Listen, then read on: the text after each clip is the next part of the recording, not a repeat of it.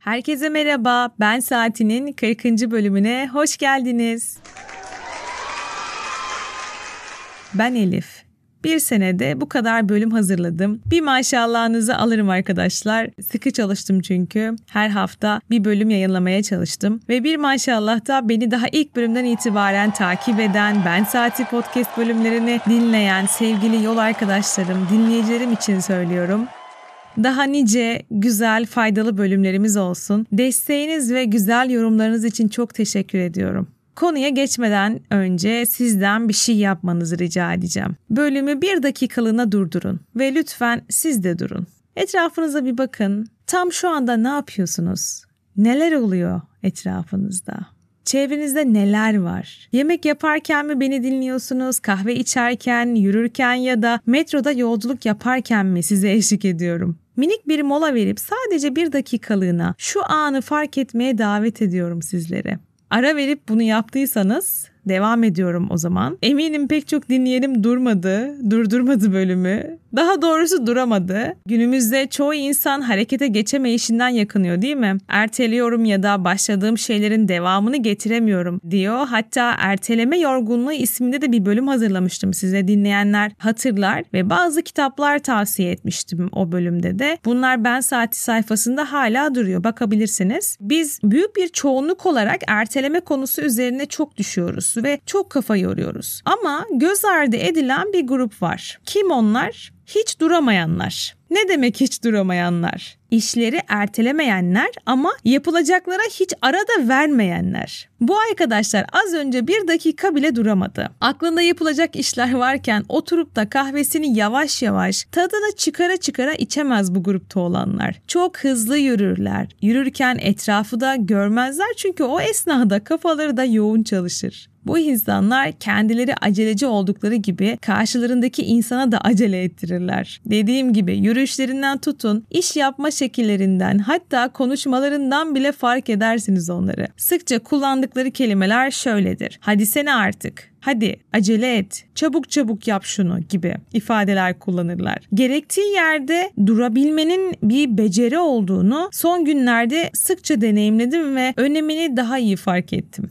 Ben de biraz böyleydim. Sonra hormonlarım özellikle stres hormonum alarm verince durmayı öğrendim biraz diyebilirim. Size bugün Duramayanlar Kulübü eski başkanı olarak neden duramıyoruz ve nasıl duracağız bunları anlatmak ve ardından da araştırdığım faydalı bilgileri sizinle paylaşmak istiyorum. Şimdi her duramayan da aynı sebepten dolayı bu halde değil. Kimisi aceleci, telaşlı, kimisi pratik ve hızlı olduğundan böyledir. Kimisi de bedenen sakin görünür ama zihni çok aktif olduğu için o da duramıyordur yerinde. Bunların kendi içinde biraz farkları var elbette. Siz hangi gruptasınız ya da çevrenizdekiler hangi grupta bunu biraz gözlemleyerek de bulabilirsiniz. Ama hepsinin problemi aynı nerede duracağını yani ne zaman işlere ara verip askıya alacağını bilememek ya da sakince yarınki toplantıyı ya da pişireceği yemeği düşünmeden elindeki çayını kahvesini keyifle içememek. Problem aslında gerçek anlamıyla duramamak. Durduğunu sandığında bile zihnin koşmaya devam etmesi. Eli pratiktir onun hemencecik evi çekip çevirir. Başladığı işin sonunu görmeden bırakmaz dediklerimiz var ya hani. Ay şu işi de aradan çıkarayım sonra oturacağım diyenler olur ya. Bir türlü oturamaz. Oturunca da hala kafası hızla çalışmaya devam eder. Standby modu var. Bekleme, dinlenme modu. O bir türlü aktif olmaz bu insanlarda. Aslında pratik ve iş bitirici insanları ben çok severim. İşler daha çok böyle insanlarla hallolur çünkü. Ancak sürekli pratik olamazsın sürekli çalışamazsın. E böyle olursa yapılan işlerde hata payı da ortaya çıkmaya başlıyor. Pratiklik otomatikleştiğinde bence yapılan işle ilgili farkındalık biraz azalabiliyor. Geçen gün durup kendimi yakaladığım bir an oldu. Onu sizinle paylaşmak istiyorum. Duşta tepemden su akarken ellerim şampuanı arıyor. Beden Allah'tan akıllı ki kendi işini görüyordu yani. Kendini yıkıyor, kese yapıyor falan. Ama sahibi duşta olduğunu farkında değil. Onun aklı işinde, podcast'in yeni bölümünde, e, market alışverişinde falan. Derken birden durdum. Ya sen delirdin mi dedim kendime. Duşta bari bir rahat bırak her şeyi. Tamam insanın aklına en en dahice fikirler, en ilginç, yaratıcı fikirler duşta gelebilir. Böyle araştırmalar var ama yani sıcak suyun altında gevşemenin tadını çıkarsana. Çoğumuz duştan çıkınca duş aldığımızın farkına varmıyoruz bile. Bu kastettiğim şimdiki an farkındalığına da giriyor elbette. Biz niye böyleyiz? Gerçek anlamda neden duramıyoruz? Sebeplerini saymadan önce duramadığımızda bize neler oluyor? Size somut sonuçlarını anlatmak istiyorum. Biraz tersten gidelim. Okuduğum bir makalede sürekli meşgul olan ve ara vermeden hep koşuşturan insanların yaşadığı ortak problemlerden bahsediliyordu. Neler bunlar? Bağırsak problemleri, uykusuzluk, yorgun uyanma, baş ağrısı. Bunlar varsa sizin nur topu gibi bir telaş hastalığınız olabilir diyordu o araştırmada. Ya bu problemleri yaşamayan var mı arkadaşlar? Ay ama bunlar tatlı telaşlar diyorsanız uğraşlarınız için tatlı telaşların bir deadline'ı vardır. Biter yani bitiş tarihi vardır. Uzun vadeli bu telaş ve hız sağlığı da etkiliyor işte.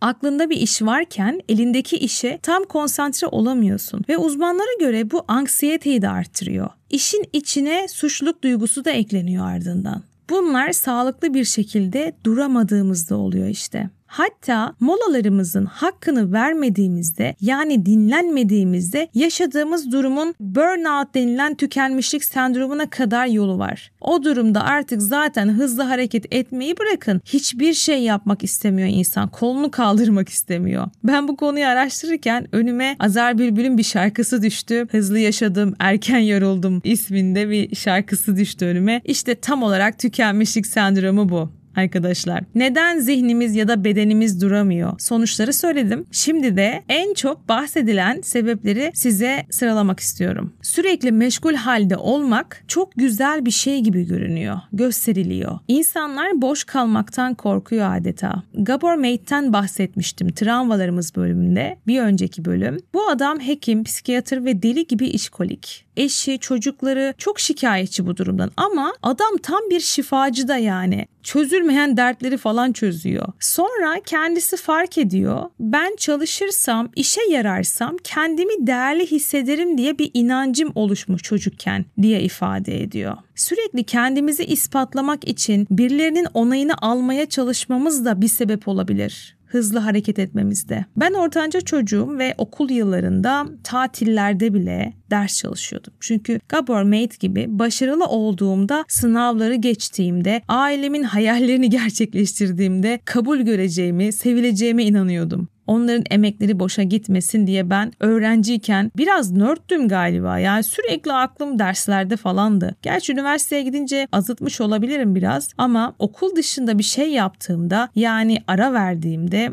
derslere suçluluk da hissediyordum. Yani ben şu an burada olmamalıyım, gidip ders çalışmalıyım gibi kendime mola vermeye izin vermiyordum. Bakın çok değişik bir kafa bu. Çok değişik bir inanç. Ve bu pek çok insanda var biliyor musunuz? Duramayan, sürekli çalışan akademisyenlerde de var bence. Bazı insanlarda da şöyle oluyordur. Evim dört dörtlük olsun, her gün yemek pişireyim, her işimde başarılı olayım, ilişkimde de bir şeyler eksik kalmasın, ona da yetişeyim derken yani esasında sevilmek, değer görmek, kabul edilmek, onaylanmak için bile bu kadar hızlı ve ara vermeden çalışıyor, yaşıyor olabiliriz. Meşgul görünmek önce bizi içten rahatlatan bir şey olabilir. İşe yarıyorum bak, ben doluyum gibi. Son zamanlarda çok dile dolanan bir şey var, bir ifade var. FOMO fırsatları kaçırma korkusu olarak açıklanıyor. Sanki biz durunca, biraz mola verince dünya çok ilerleyecek. Onu yakalayamayacağız ve insanlardan geri kalacağız ya da fırsatları e, yakalayamayacağız korkusu şeklinde anlatılıyor. Ben buna geç kalma korkusunu da ekliyorum. Sonuç olarak bir şeyleri kaçırma riski ve endişesiyle yorulsak da bu endişelerden dolayı işlere ara veremiyoruz. Buna sosyal medya da sebep oluyor maalesef.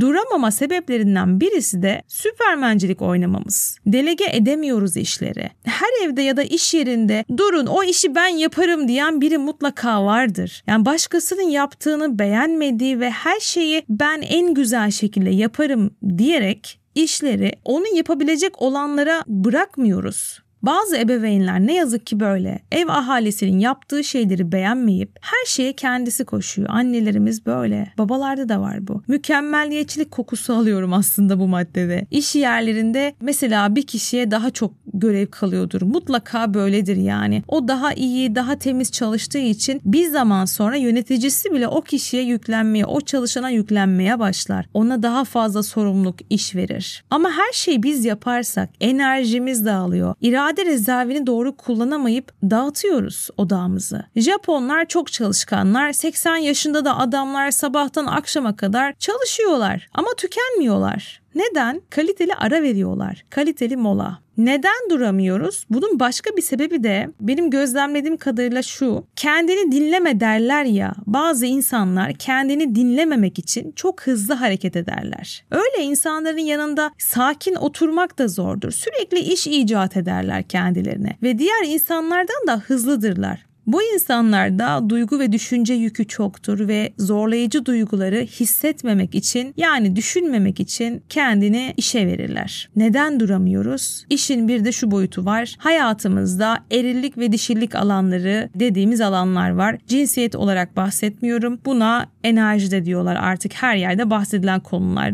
Yani mutlaka aşinasınızdır. Sürekli yap yap enerjisinde olan, eril enerjisi yüksek olan insanlar duramıyor. Dişil enerji biraz daha sakindir deniliyor ya. Hani ben saatinde yaptığımız şeyler bizi sakinleştiriyor aslında. O dişil enerjiyi dengeleyip dinlenmeye, biraz daha sükunete geçebiliyoruz. Hayatın dengesi için bu iki enerjinin dengeli olması gerektiğini söylüyorlar. Çünkü neticede beden enerjiyle çalışıyor. Bir de rollerimiz var bu hayatta değil mi? Geçindirdiğimiz, bakmamız gereken insanlar varsa etrafımızda sürekli çalışmak kaçınılmaz olabilir. Ya da sürekli çalışan, hiç durmayan, tatil nedir bilmeyen ebeveynleri izlerken çocuklar neyi öğrenir ki? Nefes almadan çalışmayı öğrenir bana kalırsa. Buradan şuraya geçeceğim. Bence en çok anlaşılması gereken yer şu. Biz sürekli böyle hızlı hızlı aceleci telaşlı moddayken ve kaliteli molalar da vermiyorsak aslında bu eril taraf çok aktif oluyor. Sanki sürekli tehdit altındaymışız gibi algılıyor beden bu hızı. Kendini korumak istiyor ve hormonları çok yüksek salgılıyor. Adrenalin, sonra stres hormonu, kortizol gibi. Zaten o yüzden iyi uyuyamıyoruz. Bağırsaklarımız da olumsuz etkileniyor. Sağlığımız, hayatımız tehdit altındayken tıpkı bir ceylanın aslandan kaçtığı gibi e, biz de adrenalin duygusunu hissederiz hızlı hareket etmemiz gerekir. Acele etmek, hızlanmak, kendini korumak için orada gereklidir işte. Ancak modern dünyada bir vahşi hayvanla karşılaşma, hayatın riske girmesi daha az olası. Bu yüzden de küçük olaylar bizim için sanki çok tehlikeliymiş gibi geliyor bir süre sonra. Durmadıkça sürekli hareket halindeyken vücut devamlı olarak kendini korumak istiyor. Aslında bu kendini koruma olayı bize yaşamda gerekli zamanlarda kullanmak için verilmiş bir şey. Yani bizim acele etmeye de telaşlanmaya da ihtiyacımız var bazı durumlarda kendimizi korumak için. Ama bu hakkımızı mantıklı ve gerekli şeyler için kullanmak lazım. Peki telaştan, sürekli meşguliyetten, acelecilikten nasıl kurtuluruz? Birkaç temel çözüm var araştırmalarda bahsedilen. Ben de size onları özetlemek istiyorum bölüm bitmeden. İlk olarak pek çok şeye hayır diyerek işe başlayabiliriz. Sizin için değerli mi? Vaktinizi vermeye değer mi o yapacağınız iş? Değmiyorsa hemen hayır teşekkürler deyip bırakın. İkinci olarak yapılacaklar listesi hazırlayıp acil olan ve önce yapılması gerekenleri belirleyin. Gerektiğinde e, yapılacak şeyleri başkasına devredin. Evde ya da işte olabilir bu. Üçüncüsü günlük programınıza boşluklar vermek. 15 dakika öğlen, 15 dakika akşam ben saati yapmak gibi. Ve bunun alt kategorisi yalnız kalmak. Kendinizle baş başa kalmak ben size şunu tavsiye ederim. İşten gelince ya da akşam vakitlerinde tavana bakabilirsiniz. Yani ciddi söylüyorum. Boş tavana böyle birkaç dakika bakın. Yanlış duymadınız. Kafayı boşaltmak için, biraz sakinleşmek için o kadar çok işe yarıyor ki bu. Ya 5-10 dakika yattığınız yerden tavana bakın. Dördüncü olarak yürüyüş de öneriliyor. Bunda da hareket var ama yürüme bölümünü dinlerseniz eğer öyle bir bölümü çekmiştim ben saati podcastlerinde. Hiçbir şey yapmadan yürümek bizim için aslında bir tür terapi. Ya o bölümü dinlediğinizde daha detaylı anlatmıştım. Beşinci olarak da farkındalıklı stresi azaltma egzersizleri yapın deniliyor. Bunlar nedir? Nefes, meditasyon, bazı aktiviteler, örgü gibi, boyama, resim gibi şeyler. Bunlar da stresi azaltma egzersizleri aslında ben saati aktiviteleri diyebiliriz. Son olarak da kişisel ihtiyaçları ikinci plana atmayın. Su içmek, iyi uyumak, esneme hareketleri, banyo gibi şeyler. Bunların hepsi bize gerektiğinde durmamızı sağlayan şeyler. Bizim gerektiğinde durmamızı sağlayan şeyler. Durmak ifadesi sizde direnç oluşturuyorsa bunun yerine yavaşlamak desem nasıl hissedersiniz? Yavaşlamak kulağa nasıl gelir? Bir makale şöyle başlıyordu. Eğer size bir seçenek sunulsaydı hızlı yaşamayı mı yoksa anı durdurmayı mı seçerdiniz? Hangisini seçerdiniz?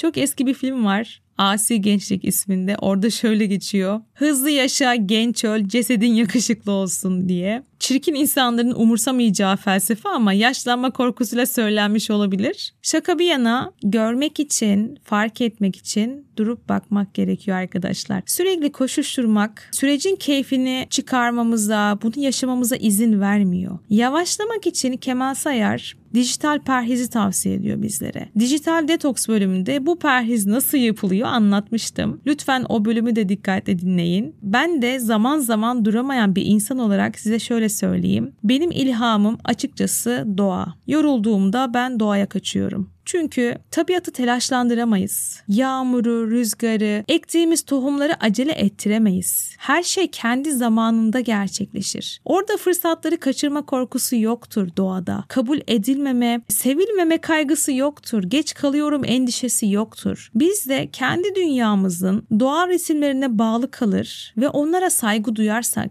kendi ritmimize saygı duyarsak, kendi hızımıza saygı duyarsak daha farklı ve daha anlamlı bir biçimde yaşamayı öğrenmiş oluruz. Durduğumuzda, yavaşladığımızda bulunduğumuz noktayı fark ederiz. Yolun neresindeyiz? Ne kadar mesafe aldık? Bunu ancak durunca biliriz. Hayatımızdaki ayrıntıları daha iyi görürüz. Görmek için duramıyorsak da biraz vitesi boşa alıp yavaşlayabiliriz. Bölüm burada sona eriyor. Çok sevgiler, selamlar.